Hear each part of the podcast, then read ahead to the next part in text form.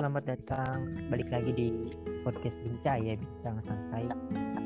Dan kali ini, episode kali ini bakalan spesial banget nih, soalnya gue bakalan ngobrol uh, dan wawancara kakak kelas gue ya senior gue dan dia itu sangat-sangat benar benar-benar menginspirasi banget gitu. Dan uh, yang orang-orang penasaran itu termasuk gue pribadi uh, dia tuh kayak bikin sebuah komunitas yang namanya itu sekolah sampah. Nah, jadi langsung aja ya. Halo kak. Halo. Uh, boleh perkenalan dulu kak sebelumnya. Kenalkan semuanya, nama aku Alexandra Judith Altea, biasa dipanggil Sandra. Sekarang kuliah di Universitas Erlangga, program studi Teknik Lingkungan, baru semester 2. Semester 2 dan kegiatan ya. sehari-hari? Kegiatan sehari-harinya seperti mahasiswa teknik pada umumnya, enggak deh, mahasiswa pada umumnya.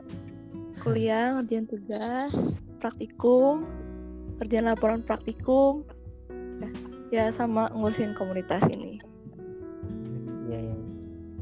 Gini kak, uh, kenapa saya pengen banget gitu wawancara di podcast ini karena uh, kadang waktu saya nge-share tentang sekolah sampahnya Kak Sandra ini ada beberapa teman saya yang nanya gitu apaan sih sekolah sampah apa sekolah yang ngasihin sampah atau dari sampah atau gimana gitu uh, kenapa sih kepikiran buat uh, kepikiran buat bikin komunitas sekolah sampah gitu kak? Hmm, oke, okay. ya banyak juga yang nanyain tentang sekolah sampah mereka mikirnya sekolah yang hasilin sampah atau sekolah ngolah sampah hmm, jadi sekolah sampah Surabaya itu uh, kita kasih fasilitas belajar buat anak-anak termarginal di Surabaya nah hmm. kan biasanya sekolah itu bayar kan bayar uang sekolah pakai uang yeah. nah tapi kalau di yeah. sampah Surabaya ini bayarnya itu menggunakan sampah kan pasti sampah tuh banyak lah di sekitar mereka nah bisa mereka ambil nah itu jadi uang buat bayar ke sekolah sampah ini. Nah uang ya eh uang.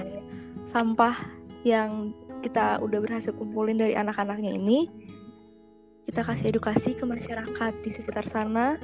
Dan harapannya eh, orang-orang di sekitar sana itu bisa mengolah sampah sendiri jadi barang yang lebih berguna.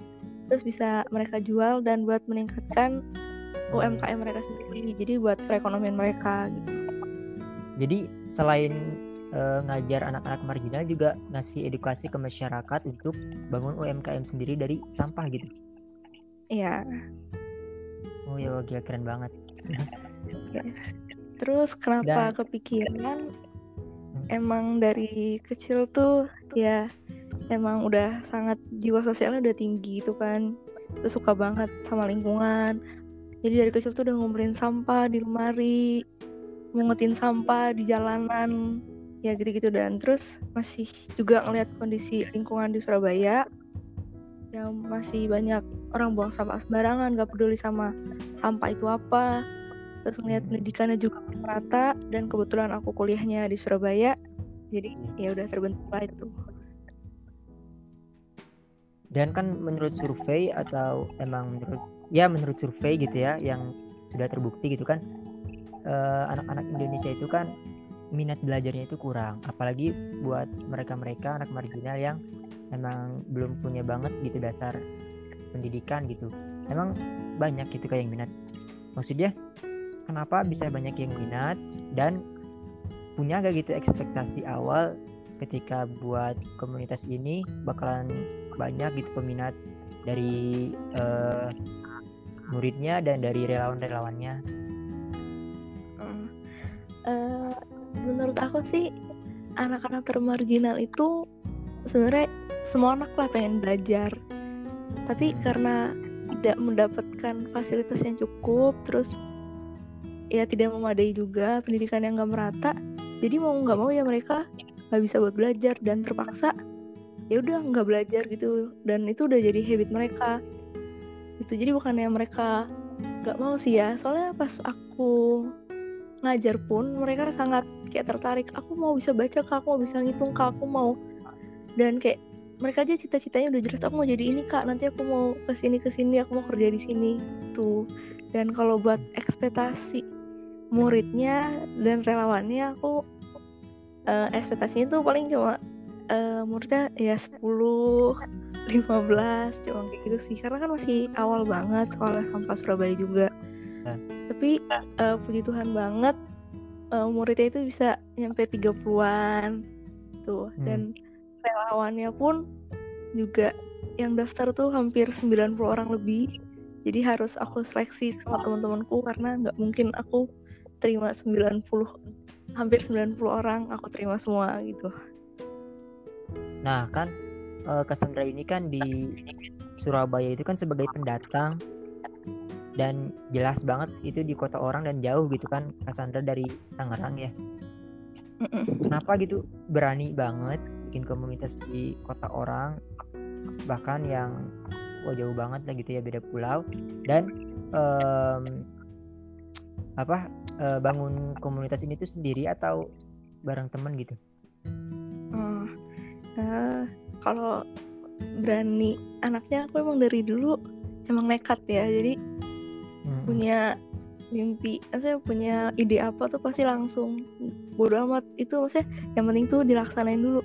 Mau nanti ada masalah apa ada yang komen apa itu urusan ntar dah. Yang penting tuh aku maju dulu. Dari dulu tuh aku punya prinsip kayak gitu. Nekat aja anaknya. Maju dulu baru mikir. Kadang aku tuh kayak gitu.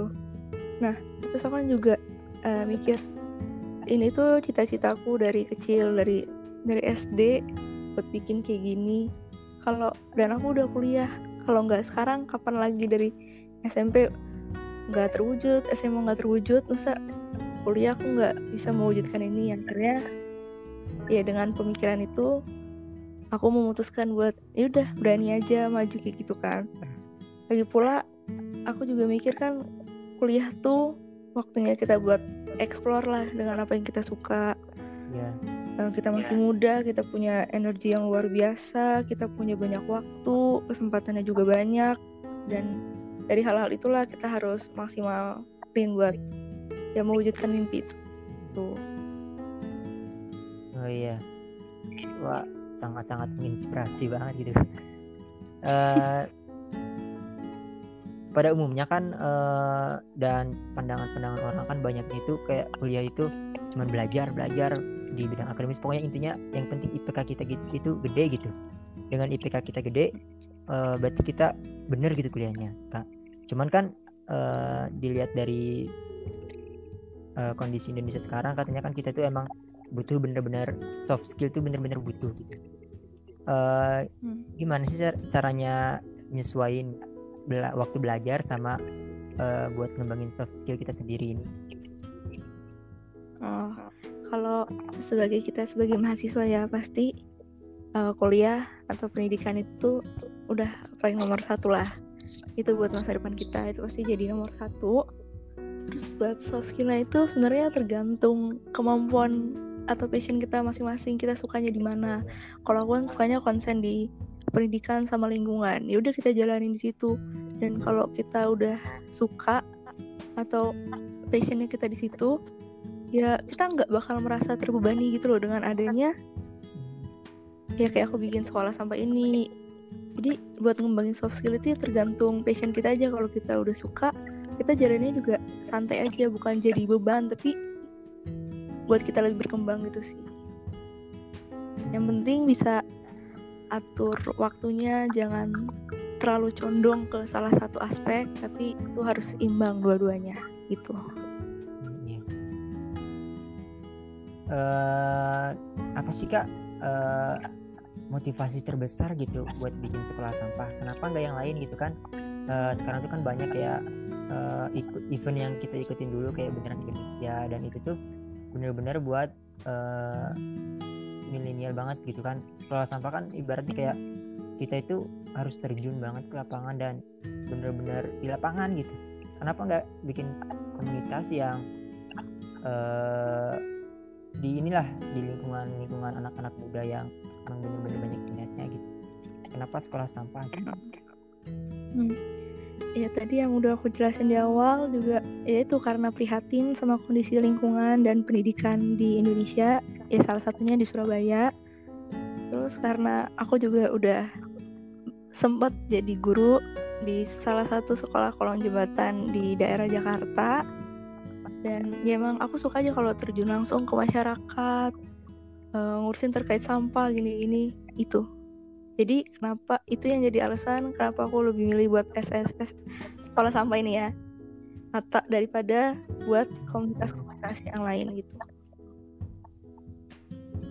Boleh tahu nggak sih kak langkah atau step-step gitu dari awal sampai sekarang bisa sukses ini gitu sekolah sampahnya? Maksudnya banyak peminatnya dan relawannya gitu. Sampai kan kalau dilihat dari sesnya itu menarik banget gitu kan gak gampang gitu nyari relawan-relawan yang bener-bener bisa uh, full dan bisa keganggu waktunya buat ngerjain project komunitas gitu. Kalau dibilang sukses, uh, masih kecil kayaknya ya, soalnya baru mulai banget. Terus kalau langkah awalnya, langkah awalnya pasti konsep dulu. Kalau konsep kayak itu mau gimana nantinya, itu aku pikirin sendiri. Pikirin sendiri ya hasil dari kayak ide-ide liarku aja udah aku tulis di buku maunya nanti kayak gini nanti kayak gini. Terus merasa udah yakin aku banyak sharing ke teman-teman di kuliah teman-teman dulu aku di sekolah terus sharing juga ke kakak tingkat. Banyak kasih masuk masukan ini mendingan gini san. Mendingan gini. Terus udahlah aku terima semua masukan mereka. Aku ubah lagi konsepnya yang bagus terus udah merasa yakin uh, buatlah visi misi logo dan lain-lain itu. Terus uh, pertama tuh aku cuma bilang di DM Instagram aku bagi yang mau jadi guru silahkan DM aku. Pasti bakal aku terima gitu kan terus lama kelamaan tuh yang DM kok jadi makin banyak. Lalu aku jadi bingung kan aduh ini rame banget DM cuma mau daftar sekolah sampah.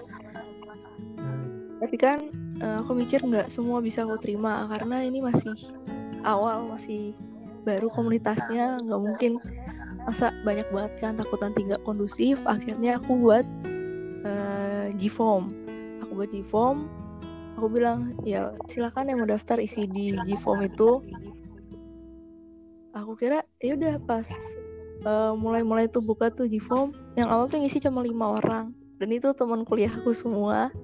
Aduh oke okay, aduh kok lima doang gitu kan mikirnya. Akhirnya disebarlah di Instagram dan banyak banget yang repost. Terus yang daftar ya itu tadi hampir 90 orang. Akhirnya aku seleksi gitu sih. Dan kepilihlah. Sebenarnya aku ngambil 24 orang. Tapi sekarang sisa 20 karena empatnya mungkin terlalu sibuk kuliah uh, jarak mereka yang jauh. Jadi ya, lebih baik daripada mereka terlalu lelah kejauhan gitu. Ya. nah gini kan kak uh, kebanyakan orang gitu ya apalagi yang emang belum ngerti gitu banyak yang nge-manage diri sendiri aja susah gitu. Gimana sih cara di samping kita fokus kuliah nomor satukan kuliah terus kita juga eh Cassandra juga ada tanggung jawab buat memanage komunitas ini gitu. Oh, kalau buat memanage itu uh, aku sangat bersyukurnya aku punya tim dari sekolah sampah Surabaya ini teman-teman pengajar yang uh, bisa diajak kerjasama bisa diajak susah-susah bareng. Jadi nggak eh, nggak uh, semua aku pegang sendiri. Misalnya gara-gara aku uh, penemunya nih pendirinya sekolah sama Surabaya aku yang megang semua enggak tapi aku bagi-bagi sama teman-teman tim di sekolah sampah Surabaya. Ada yang di bagian humas ada yang bagian kurikulum. Jadi udah kita bagi-bagi dan puji Tuhannya mereka sangat punya ide-ide yang luar biasa jadi mereka sangat membantu aku gitu sih. Jadi nggak terlalu jadi beban buat aku karena kita udah bagi-bagi tugas kita udah tahu kewajiban kita masing-masing itu apa. Berarti ke manage semuanya ya kayak Mm-mm. dan kalau boleh tahu eh, gimana sih kak biar eh, teman-teman saya dan emang semua yang dengar podcast ini tuh tahu lah gitu Se- eh, secara kan kakak kan emang udah bener-bener ter- maksudnya mindsetnya itu udah bener-bener pas gitu di kalangan pemuda. Gimana sih caranya punya mindset eh, sebagai pemuda bangsa yang sewajarnya yang seharusnya gitu? Oh, kalau aku juga agak bingung ya buat menjawab ini.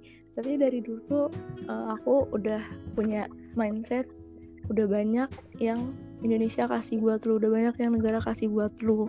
Dan sekarang lu mau kasih apa buat negara lu? Udah sih aku sering merefleksikan itu aja. Apa lu mau? Ya udah nerima aja. Lu cuma mau menikmati fasilitas yang ada tanpa lu mengubah. Misalnya fasilitas itu eh, misalnya tidak seimbang antara yang di daerah ini sama daerah ini. Ya udah lu nerima aja. Kalau nggak lu cuma eh, ngomongin doang lu cuma ngejulitin doang tapi lu nggak melakukan perubahan. Itu buat apa? Sama aja kayak omong kosong gitu loh. Setuju Jadi- banget. Ya dengan keadaan yang ada sekarang kayak gini lu mau nunggu aja negara gerak. Indonesia tuh gede. Gila masa mau pemerintah ngurusin semua kan? Ya bisa. Tapi mungkin butuh waktu yang gak lama. Tapi kenapa lu nggak coba mikir buat lu coba ngebantu gitu loh?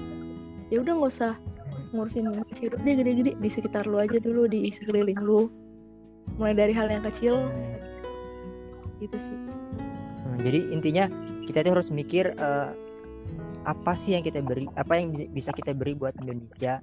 Jangan melulu mikir kita harus dapat ini dari Indonesia, apa yang kita dapat dari Indonesia gitu ya. ya Tuh.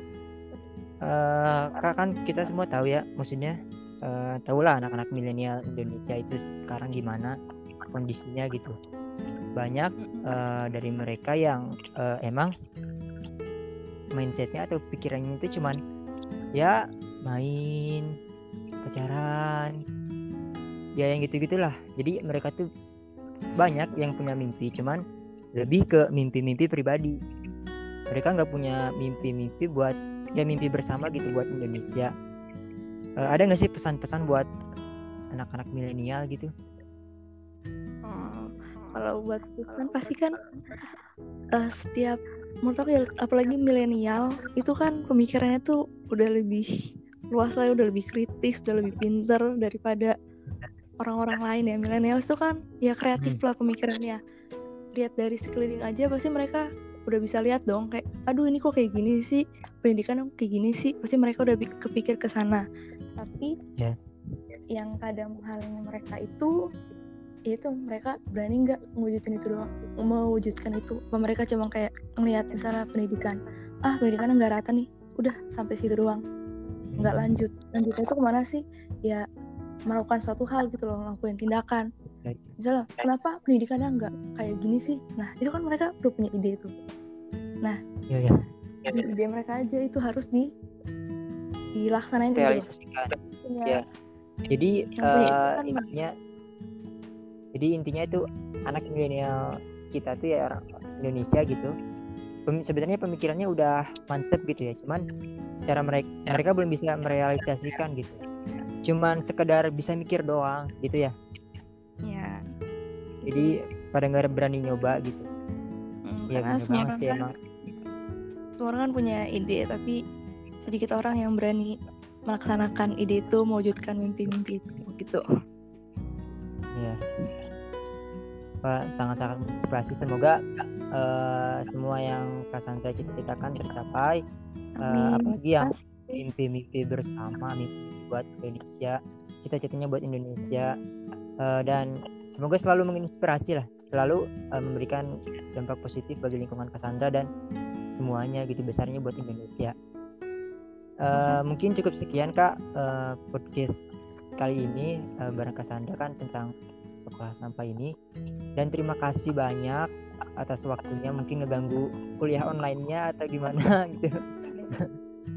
Makasih juga di eh ya eh, next time kita ngobrol lagi kak ya siap masih banyak yang yang pengen ditanyain gitu sebenarnya cuman mungkin beda topik. Karena sebenarnya kak uh, teman-teman saya itu banyak yang nanya gitu. Dit kalau lu bisa punya teman anak unir sih kan unir kan kampusnya wah keren banget itu gede punya nama di Indonesia gitu. Banyak yang nanya gitu kak sebenarnya. Cuman nanti next time lah kita bahas tentang tersebut tentang hal, -hal tersebut gitu. Oke. Okay. okay, kak oke makasih banyak kak. Sama-sama. Bye